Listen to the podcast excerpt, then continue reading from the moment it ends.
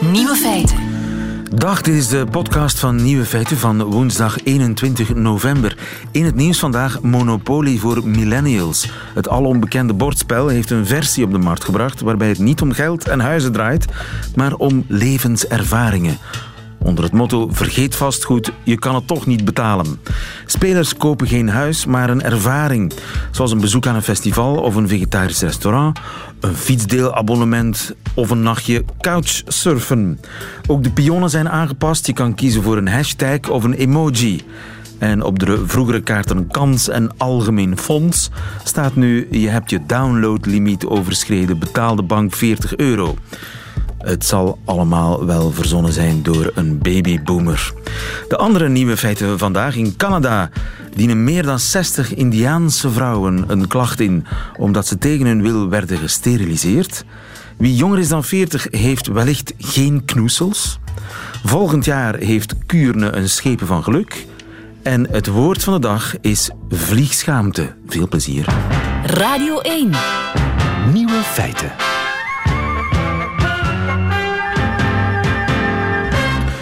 Vrouwen die onder dwang worden gesteriliseerd, dat uh, verwacht je misschien in een heel eng land, in een hele enge tijd. Verwacht je niet vandaag in een modern westers land en al zeker niet in Canada. En toch, professor Vonk, goedemiddag. Goedemiddag. Ernie Vonk, antropoloog en uh, kenner van indianenstammen.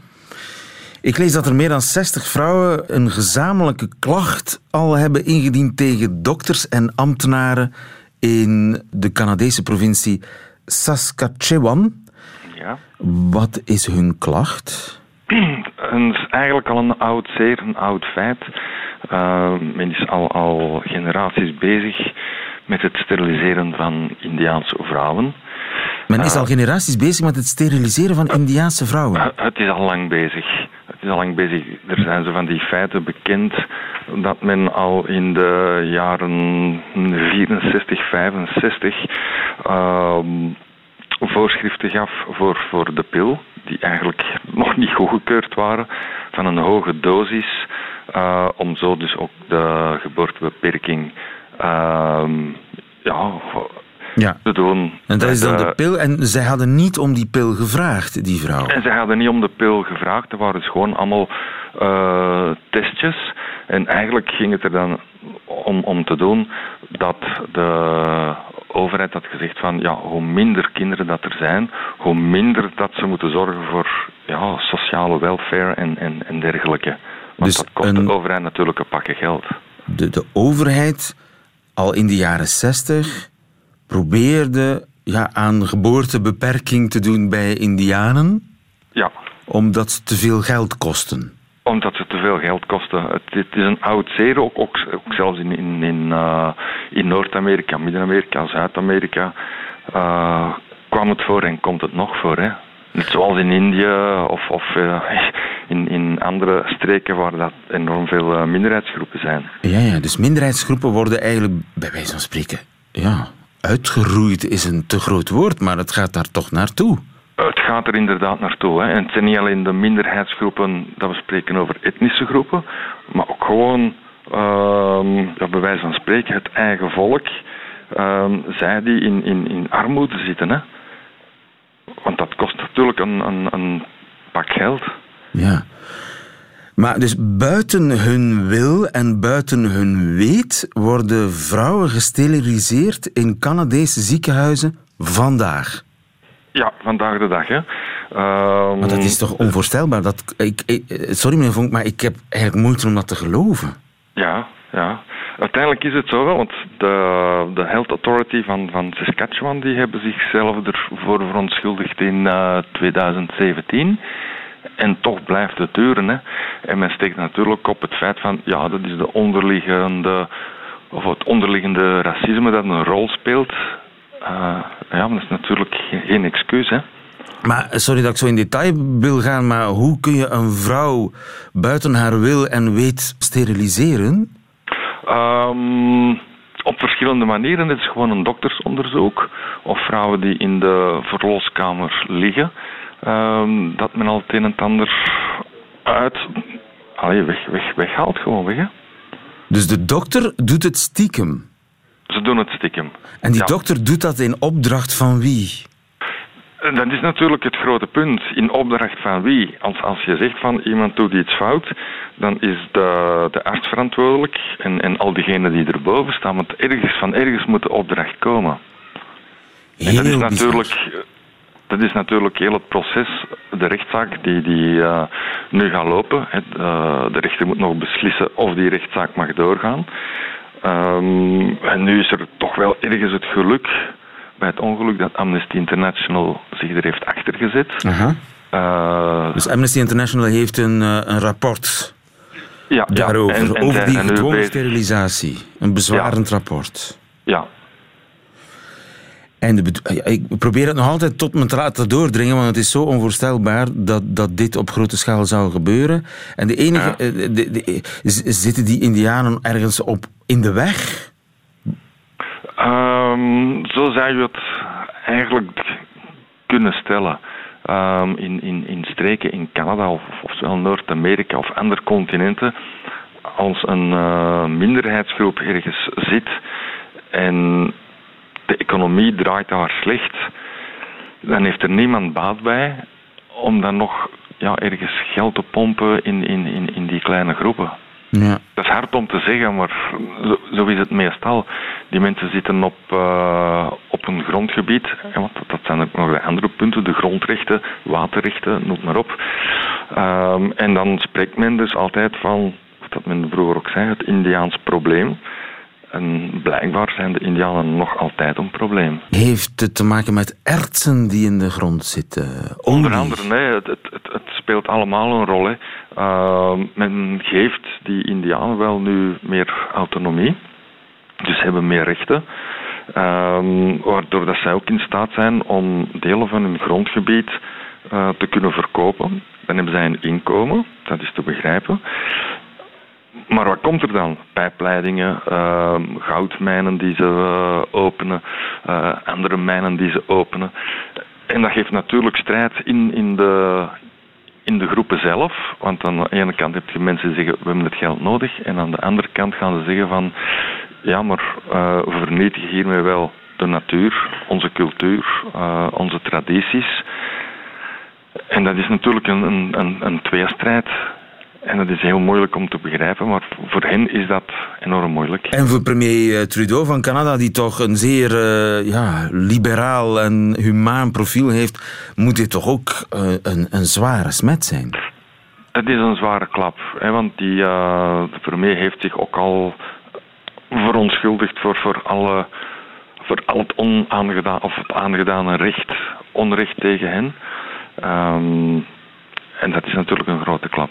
Afwachten of die groepsklacht die al een tijdje loopt, waar nu intussen 60 vrouwen zich bij hebben aangesloten, of die door het eh, Canadese OM zal worden bekeken en doorgestuurd naar de rechter. Dankjewel Ernie Vonk, goedemiddag. Graag gedaan. Nieuwe feiten. Had u al gehoord van de knoeselkloof? De knoeselkloof ik ook niet, tot vorige week. Kandidaat Belg Sander van Horen, vorige vrijdag in Nieuwe Feiten pijnlijk struikelde in zijn wekelijkse taaltest. De vraag is eh, of ze niet aan haar knoesels zit intussen. Ah, ik vind hem ook weer mooi. Ja. Knoesels? Knoesels. Wat zijn knoesels? Ehm, aan haar knoesels zit. Eh, z- zie onze technicus Michel genieten. Aan haar schoenen zit. Nee. Aan haar benen zit. Knoesels zijn enkels. Enkels. Nee, geen schoenen, geen benen, maar eh, enkels. Nu, de verrassing bleek achteraf. Twee derde van de redactie van Nieuwe Feiten, zeggen en schrijven twee mensen dus eigenlijk, eh, hoewel zeer Vlaams, hadden ook nog nooit van knoesels gehoord. En toen kantelde mijn universum toch een paar centimeter. Professor Van de Velde, goedemiddag. Goedemiddag. Freek van de Velde, kenner van de geschiedenis van het Nederlands. Wij natuurlijk meteen een online poll opzetten op onze Facebookpagina. Kent u knoesels? Een paar honderd, ik geloof bijna 400 mensen hebben gereageerd. Zullen, we, zullen we de reacties eens overlopen? Ja, is goed. eh. Mijn zoon had onlangs nog last van zijn linkerknoesel. Ik, 50, ken het woord. Hij, 20, daarentegen niet. Is er een knoeselleeftijd? Ja, blijkbaar, jullie hebben het eh, bekeken en toen lag er een grens, geloof ik, op eh, ongeveer 40 jaar. Eh, Als- mensen die ja. ouder zijn dan 40, die kennen het woord allemaal, of nagenoeg allemaal. Mensen die jonger zijn, die hebben er moeite mee, of die kennen het woord niet, of die kennen het heel vaag, of die... Of, of, Dat is eh, tenminste de, de, ja, de indruk die we krijgen als we die paar honderd eh, reacties eh, op Facebook bekijken. Maar stemt dat overeen met wat jij weet? Nee, er is geen onderzoek Er is nooit een naar, over, de knoesel specifiek. Toch niet dat ik weet. Het zou kunnen dat iemand er eens naar gekeken heeft of zo, maar er zijn geen grootscheepse enquêtes georganiseerd om te kijken waar de leeftijdsgrens met dat soort woorden precies ligt. Maar het- is een wetenschappelijk uit te zoeken hypothese. Er zit misschien een Natuurlijk, doctoraat in. natuurlijk. Ja, ja, een doctor. Ja, of eh laten we beginnen met Is er een eh, knoeselleeftijd en ligt die op dit ogenblik Ja, ja. Maar een licentiaatsthesis? Ja, als er iemand nog een best organiseren. Nu, er zijn allerlei woorden natuurlijk die in onbruik geraken. Daar is niks vreemds mee. Dat zien we voortdurend, dat ehm, bepaalde woorden bij een oudere generatie beter bekend zijn dan bij een jongere generatie. En dat zijn dan woorden die, je wel, die die oudere generatie wel kent, eh, van Maastricht tot eh, Oostende. Soms wel, soms zijn het regionale woorden. En dat geldt dus voor knoesel ook wel een beetje. Het is een woord dat in het zuiden van het taalgebied gebruikt wordt. De Nederlanders kennen het niet of minder. Ehm, dat is wel bekend natuurlijk. Maar hebben ze in Limburg ook knoezels? Eh, ik denk dat het hele, in het hele zuiden bekend is. Ja. Dat- Dus de dat niet Vlaanderen precies eigenlijk. waar, eh, waar die, hoe het regionaal afge, zelfs is. een deel van het zuiden van Nederland zou ook wel kunnen. Natuurlijk, ja, dat kan ook. Dat In kan de ook, provincie maar, eh, Brabant, ja, Nederlands Brabant. Maar ook daar geldt weer natuurlijk dat woorden eh, een, heel vaak een, een, een regionale, beperkte Ja. Verspreiding En kennen. woorden zijn aan het... Wat is nog zo'n uitstervend woord bijvoorbeeld? Wel, daar moet je een onderscheid maken. Je hebt woorden die uitsterven omdat het eh, concept, het object, het voorwerp waar naar verwezen wordt, uitsterft. Neem een woord als maliënkolder. Dat zal verdwijnen naarmate wij... Of wambuis of zo. Naarmate, Neem ja. mijn wambuis. Is mijn wambuis gestreken? Ja, dus de kans is heel groot dat dat stilletjes uit onze taal verdwijnt. Er zijn ook woorden die uit onze taal verdwijnen eh, zonder dat er iets in de realiteit verandert. Dus de werkelijkheid loopt gewoon door zoals we die Zoals kennen. knoesel. Zoals knoesel, inderdaad. En, en zoals alle woorden. Dus woorden hebben ook een halfwaardetijd. Na verloop van tijd Maar zijn is er nog zo'n ander woord zoals knoesel, eh, wat verdwijnt? Ehm, iets laat op een voorwerp dat ook verdwenen is? Bijvoorbeeld, als je kijkt naar het Middel-Nederlands, dat is het Nederlands dat gesproken wordt of geschreven tussen 1200 en 1500, daar is een woordje en dat is dwaan. En dwaan betekent wassen. Ehm, Ik dwaan mij. ik dwa- ja, en eh dwoeg, de verleden tijd Ik dwoeg. dwoeg. Eh, dus ik Heb jij je gedwogen vanmorgen? En ehm, het vreemde is dus dat dat... We wassen ons nog steeds, misschien meer nog dan in de, in de middeleeuwen, maar we gebruiken daar een heel ander woord voor. En die andere woorden die komen dan binnen via ofwel ontleningen of Ja. uit een ander dialectgebied. Eh, daar is ook niks mis mee. De woorden die heel frequent, hè, die heel vaak gebruikt worden, die blijven langer bij ons. Woorden die heel weinig gebruikt Ja. worden, die hebben een grotere kans om verloren te gaan natuurlijk. Dus, eh, Iemand schreef overigens op Facebook weer zo'n woord dat niet mag verloren gaan. Zet het in de galerij met pertang, ja, ja. hoesting, Dus dit zijn allemaal wel heel regionale woorden. Hè. Dus plezant, Wat daar- tal- taloor. Is taloor aan het verdwijnen? Denk niet. ja, wat je natuurlijk hebt, is woorden die in bepaalde Millennials. dialecten zitten. ehm, die ondergaan ook, die gaan ook uit, uit de taal weg, omdat er dialectverlies optreedt. Mensen spreken minder dialect en daardoor gaan die woorden ook verdwijnen. Dus fourchette, taloor, dat soort dingen, als je vork of bord gebruikt, omdat je nu eenmaal standaardtaal of een, of, een, of een iets ruimer dialect spreekt, ja, dan verdwijnen die woorden ook. Maar nog los daarvan ook woorden die al heel lang bij ons zijn en die we als volstrekt normaal beschouwen, ook die, na een paar duizend jaar gaan die eruit. Dat, Ja, dat is niet, Je eh, kunt dat betreuren. ehm, Zeg maar, ik, Ik, ik lees hier ook stekelbes. Iemand denkt dat het een stekelbes is, een knoesel. Eh, wel, dat is interessant eigenlijk. Dat is interessant. Waarom? Omdat knoesel tot een groepje woorden behoort die met kne beginnen. Eh, knuist, knoest, knuppel eh, en zo verder. En die be- betekenen allemaal verdikking, harde verdikking of zo. En ehm, je zou kunnen zeggen ehm, dat mensen daar een vaag idee van hebben. Als een woord met kne begint, dan is de kans groot dat het een soort dik, bolvormig uiteinde is of heeft. En dan kan ik me voorstellen dat iemand bij stekelbes terechtkomt of zo. Dat, dat is eigenlijk niet zo absurd. Ja. Eh, dat is een persoon die toch goed aanvoelt dat daar aan dat kleine groepje medeklinkers, kne, dat daar een, een soort geheimzinnige manier een Ja, betekenis aan Een dikke bobbel zoals een stekelbest. Ja, Overigens, eh, iemand dacht ook dat het eh, vingerkootjes waren. Ja, knokel. Ook weer met die kne. natuurlijk. Kneukels. Ik ken het als kneukels. Kneukels of knokels. Of, Ja. Denk ook aan knook voor been. Hè, knuist eh, voor, voor vuist en zo verder. Hè, die, die Maar het is wel degelijk de enkel. En is het de volledige enkel of alleen het uitsteeksel? Want dat is ook een, een reactie die Ja, dat is heel moeilijk Een te soort beoordelen. uitsteeksel aan de Ehm, zijkant, de, de, het, het ja, Ja, puntje ja. wat daar zit. Ja, voor mij betekent het ook alleen maar dat uitsteeksel. En ik denk ook dat dat de etymologische betekenis is, dat je daar moet zoeken. Hè. Dus het is een knoest op je been eigenlijk, net zoals een stukje hard hout. Eh, een soort ja, uitwas van zo'n hout. Eh, dat dat ook met, met, met hetzelfde woord uitgedrukt kan worden. Dus je ziet daar wel in, in, die, in die betekenis. Knoesels. Ja, Het is een, een woord dat met uitsterven bedreigd wordt. Alleen eh, eh, plus veertigers ongeveer, blijkt het dus uit onze online poll, die kennen het nog. En ja, misschien moeten we maar een, een soort ja, beschermcomité oprichten. Of, of, Ik denk dat dat weinig effect gaat sorteren, woorden, maar eh, ehm, je kunt lijst. het proberen. Ja. Want woorden verdwijnen sowieso. Daar is geen, eh, geen houden aan. Ja, Dat, eh, en daar kunnen, we, daar kunnen we niks aan doen en daar hoeven we eigenlijk ook geen spijt van te hebben. Nee, we hebben een nieuw woord, enkel, dat eh, vo- volkomen voldoet aan de vereisten. Dat, eh, Freek van der Velde, dankjewel. graag gedaan.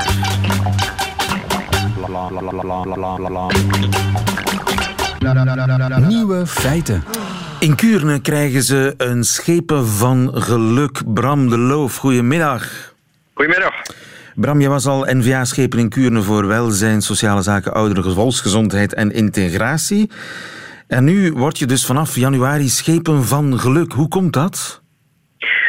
Eh, wij merken eh, in, eh in Kuren dat we ook te maken krijgen met een drukkere maatschappij. Ehm, gelukkig niet Hans Kuren, maar we merken ook wel dat een aantal mensen wat cynischer, wat sneller cynischer dreigen te worden. En vandaar dat we eigenlijk vanuit het voltallig college van de burgemeester en schepenen eh, ja, de bevoegdheid van geluk in het leven hebben geroepen. eh, om toch te borgen, eh, eerder ook als preventieve maatregel, dat, eigenlijk, dat onze Kurense burgers gelukkig blijven. Maar is het niet de taak van elke politicus om ervoor te zorgen dat de mensen gelukkig zijn? Dat klopt. Eh, en de bevoegdheid van geluk eh, is, eh, kan je inderdaad niet op één persoon kleven.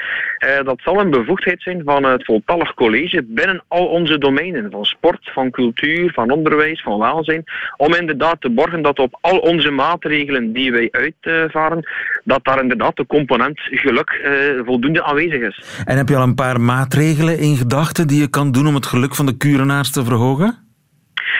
Het is zo ook een beetje vanuit de ervaring van de voorzitter OCMW. Eh, wij hebben het geluk in Kuren dat we een sterk sociaal weefsel hebben.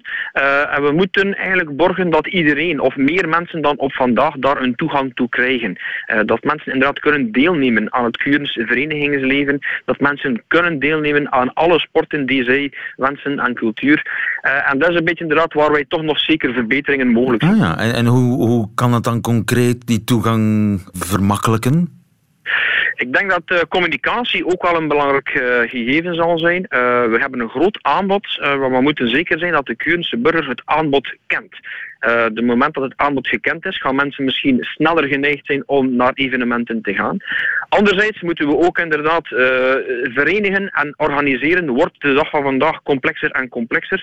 Eh, wij kunnen vanuit de gemeente daarin verenigingen ondersteunen. Niet enkel financieel, dat doen we al, maar bijvoorbeeld ook toch wel ondersteunen richting logistieke ondersteuning, raad en daad wanneer die mensen vragen hebben en hen daarbij bijstaan. Ja. Om eigenlijk te borgen dat het sociaal weefsel in Kuurne sterk blijft en anderzijds dat mensen inderdaad het aanbod kennen om zo meer mensen, eh laten we zeggen, gelukkiger te maken dankzij eh, hun participatiegraad te verhogen. Ja, en zeggen de mensen nog goeiedag op straat in Zeer Kuurne? zeker. Zeer zeker. Dus daar is Eh, niks mis mee?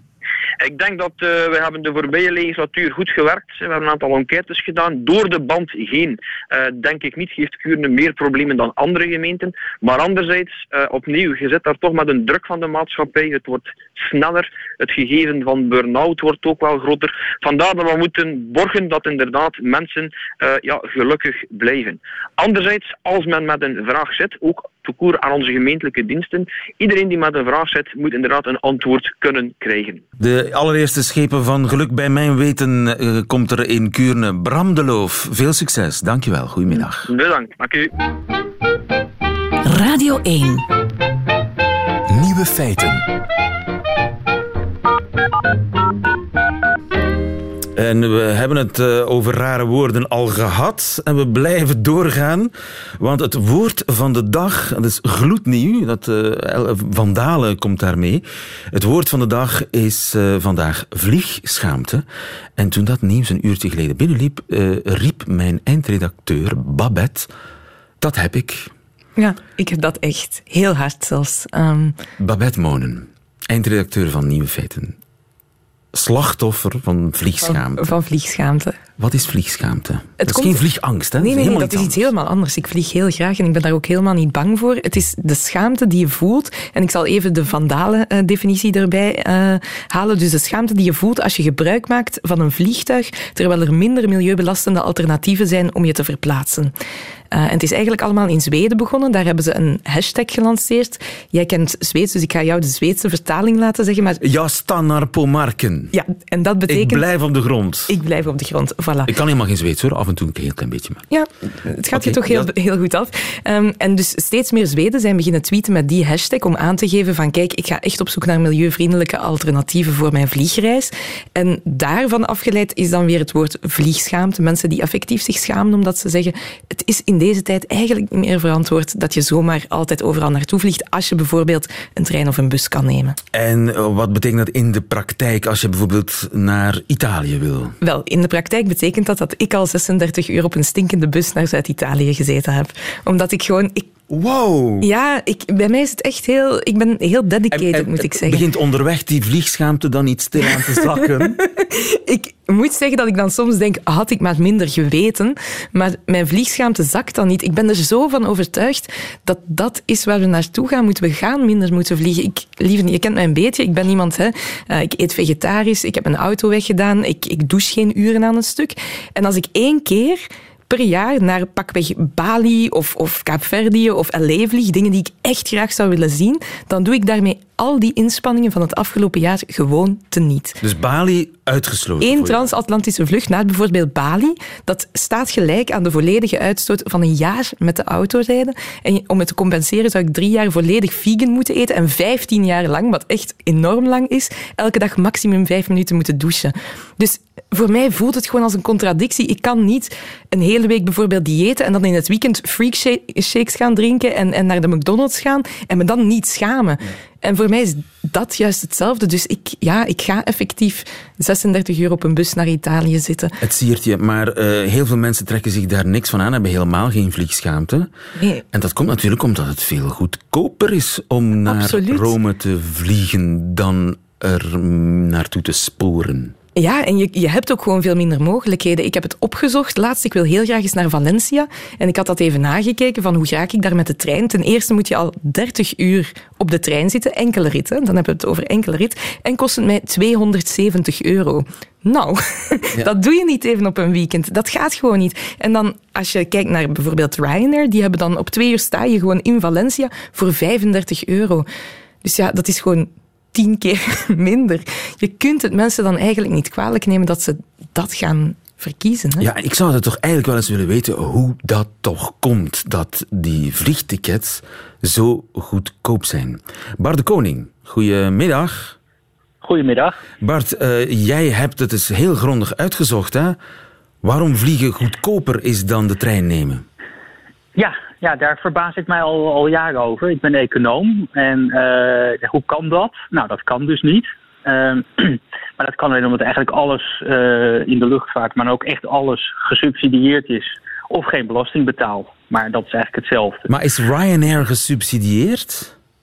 Nee, maar hun vliegtuigen wel. Eh, want eh, Airbus krijgt subsidies, Boeing krijgt subsidies. eh, die vliegvelden zijn gesubsidieerd. Want heel veel overheden willen graag ook Ryanair komt vliegen. En ze betalen natuurlijk geen accijns over de kerosine. En er zit geen btw op de tickets. En ze buiten hun personeel verschrikkelijk uit. Dus dat zijn allemaal van die dingen waar je zegt, ja, daardoor wordt het zo goedkoop. Maar dat is natuurlijk niet eh, duurzaam houdbaar op deze manier. Ja, maar dus de hoofdreden is eigenlijk dat de overheid de luchtvaart subsidieert op alle mogelijke manieren. Ja, dat is al heel lang zo. En dat, dat was vroeger omdat eh, luchtvaart gezien werd als een soort kastplantje, een kwetsbare sector die moest groeien. Dat hebben ze voor de oorlog al bedacht. En ja, dat is natuurlijk al lang niet meer zo. Dat is niet een kwetsbaar kastplantje waarvan je zegt oei oei oei, dat valt om als je er een beetje belasting over hebt. Uh, nee, gewoon, uh, dat kan tegenwoordig wel. Het is natuurlijk wel uh, economisch heel belangrijk. Ik bedoel, een, een land staat of valt met een bloeiende luchthaven. Ook in Nederland, de uitbreiding van Schiphol. Ja, dat is een belangrijke kwestie natuurlijk. Ja, dat heel veel geld en, en arbeidsplaatsen aan vast. Ja, ja, ja, ja, dat roepen ze altijd. Dat, dat, wordt zwaar overdreven, want het heen en weer vliegen naar toeristische bestemmingen is helemaal niet zo belangrijk voor de economie van, van, uh, van een land. Uh, maar waarom zouden ze daar niet gewoon belasting over kunnen betalen? Als een busmaatschappij naar Torremolinos kan rijden en wel overal belasting over betaalt, gewoon een fatsoenlijke prijs voor die bus betaalt en, en, en gewoon uh, accijns betaalt over de diesel en ze betalen btw over de tickets, waarom kan een luchtvaartmaatschappij dat dan niet? Ja. Zo, het, het, hoeft niet verboden te worden. Het wordt alleen het wordt minder omdat het duurder wordt. Bedoel, dat is wat er gaat gebeuren. We worden selectiever dan. Ja, maar het probleem is natuurlijk als één land zegt... oké, we stoppen al die subsidies op alle mogelijke manieren van de luchtvaart... ja, dan, dan gaan de luchtvaartmaatschappijen of weg of failliet... en profiteren de Chinezen ja, Dit is het klassieke argument waarmee eh, al, al, 100 jaar of 200 jaar alle vooruitgang wordt tegengehouden. Als wij als enige de slavernij afschaffen, dan gaat de rest wel door. Als wij als enige onze koloniën uh, afstoten. Uh, dat hou je altijd. Dus je altijd zeggen, ja, maar eh, als wij geen wapens leveren, dan levert iemand anders het. Maar je moet gewoon internationaal gaan samenwerken binnen Europa. En dan begin je gewoon eens. Nou, we beginnen eens met een, een heffingje op een haven. We beginnen eens met een beetje BTW. We beginnen hier eens met een beetje accijns. Dat kan best. Ja. Alleen je moet het gezamenlijk doen. Je kunt niet als Nederland in je eentje beginnen. Trouwens, dat mag helemaal niet, want er zijn allemaal verdragen die uh, ja. belasting Maar als Europa op, zou het wel kunnen natuurlijk. Ja, natuurlijk. Je kunt in ieder geval een paar stappen zetten. Je kunt ophouden met het subsidiëren van je eigen industrie. En ook proberen om andere landen daarvan te overtuigen dat dat slecht is. Nou ja, dat soort dingen. Ja, en dan is Babette van haar vliegschaamte af, maar kan ze het ticket niet meer betalen natuurlijk met haar hongerloontje dat ze van ons ja, krijgt. Ho, ho, ho, wacht even. Kijk, dat geld dat groeit natuurlijk niet aan een boom, hè, al die subsidies. Ik bedoel, dat, dat betalen andere mensen via de loonbelasting of andere ondernemers die wel belasting betalen. Die betalen dat. Daarom lijkt het een gratis feestje. Het lijkt dus als je die miljarden... Als je die miljarden afschaft voor de, over, voor, de, voor, de, voor de luchtvaartsector, dan kun je ergens anders de belastingen verlagen. Bijvoorbeeld de loonbelasting verlagen of de winstbelasting voor bedrijven. Dus het komt wel weer terug. en daarmee kunnen we de trein betalen. Spoorweg. ja, dan kunnen we de trein betalen. Ja, of je krijgt gewoon een hoger netto salaris omdat je, omdat je minder belasting betaalt, weet ik veel. Boeiend en heel helder. Ja. Dankjewel Bart de Koning. Goedemiddag. Oké, okay, ja. ja hoor. Nieuwe feiten. Middagjournaal. Soms kom ik wel eens iemand tegen die ik ken. Dan wuif ik altijd vriendelijk. Ik zal op dat ogenblik echter nooit de vraag stellen en ça va? Omdat we allemaal weten dat het antwoord gegarandeerd ja ja ça va zal zijn. Ook al is het helemaal niet ça va. Oppervlakkigheid is geen ramp. We hoeven er geen schrik voor te hebben. Het verwoest geen levens en het maakt ons geen slecht mens. In bepaalde gevallen is het zelfs gewoon vriendelijk en ontspannend om gewoon zonder na te denken mee te gaan als we in een oppervlakkige hoek worden gedrongen. In een lift of een andere kleine omgeving waar je verplicht bent om iets langer stil te staan bij een herkenbaar persoon, kan je niet gewoon blijven zwaaien en zwaaien, omdat zoiets in de menselijke omgang als bijzonder vreemd zal worden gepercipieerd. Op dat ogenblik probeer ik ongemakkelijkheid te ontwijken door een nadenkertje in de groep te gooien. Dan zeg ik iets mystigs als. Tegenwoordig zet niemand nog de puntjes op de i. We hebben een computer of een smartphone die dat puntje automatisch voor ons zet. Wie in deze tijd in staat is om bijvoorbeeld met behulp van een shortcut dat puntje weg te halen van de i, wel, dat is pas een held. Ook al maak je op dat ogenblik technisch gezien een spelfout. Met deze uitlating, die voor discussie vatbaar is, geef je een voorzet naar een breed debat. Stiptheid, elektronische vooruitgang en perfectionisme. Of je organiseert een klein stellingenspel, waarbij je plots iets zegt als hoe groot het gevoel van trots ook mag zijn bij het bekijken van jouw eigen dikpik, weet dat het niets voorstelt in het grotere geheel van onze geologische tijdrekening. En hoe perfect de belichting en de kadrage ook mogen zijn, het Louvre toont absoluut geen belangstelling. Deze stelling zal meningen oproepen over kunst, het menselijk lichaam en misschien vist er ook nog wel eens iemand een MeToo-verhaal op. Dit zijn slechts twee voorbeelden van uitspraken die een oppervlakkige en, hoe is het, Sava, kunnen vermijden. Het vergt soms een beetje moeite om deze oude gewoonte, dit menselijk zeer af te leren en meer zin te geven aan ons bestaan. Maar verandering moet van ergens komen en het moet vooral ook ergens beginnen. En precies daarom stel ik voor hier en nu. Waarom uiteindelijk niet? Met een beetje geluk doe jij ook mee. Sava?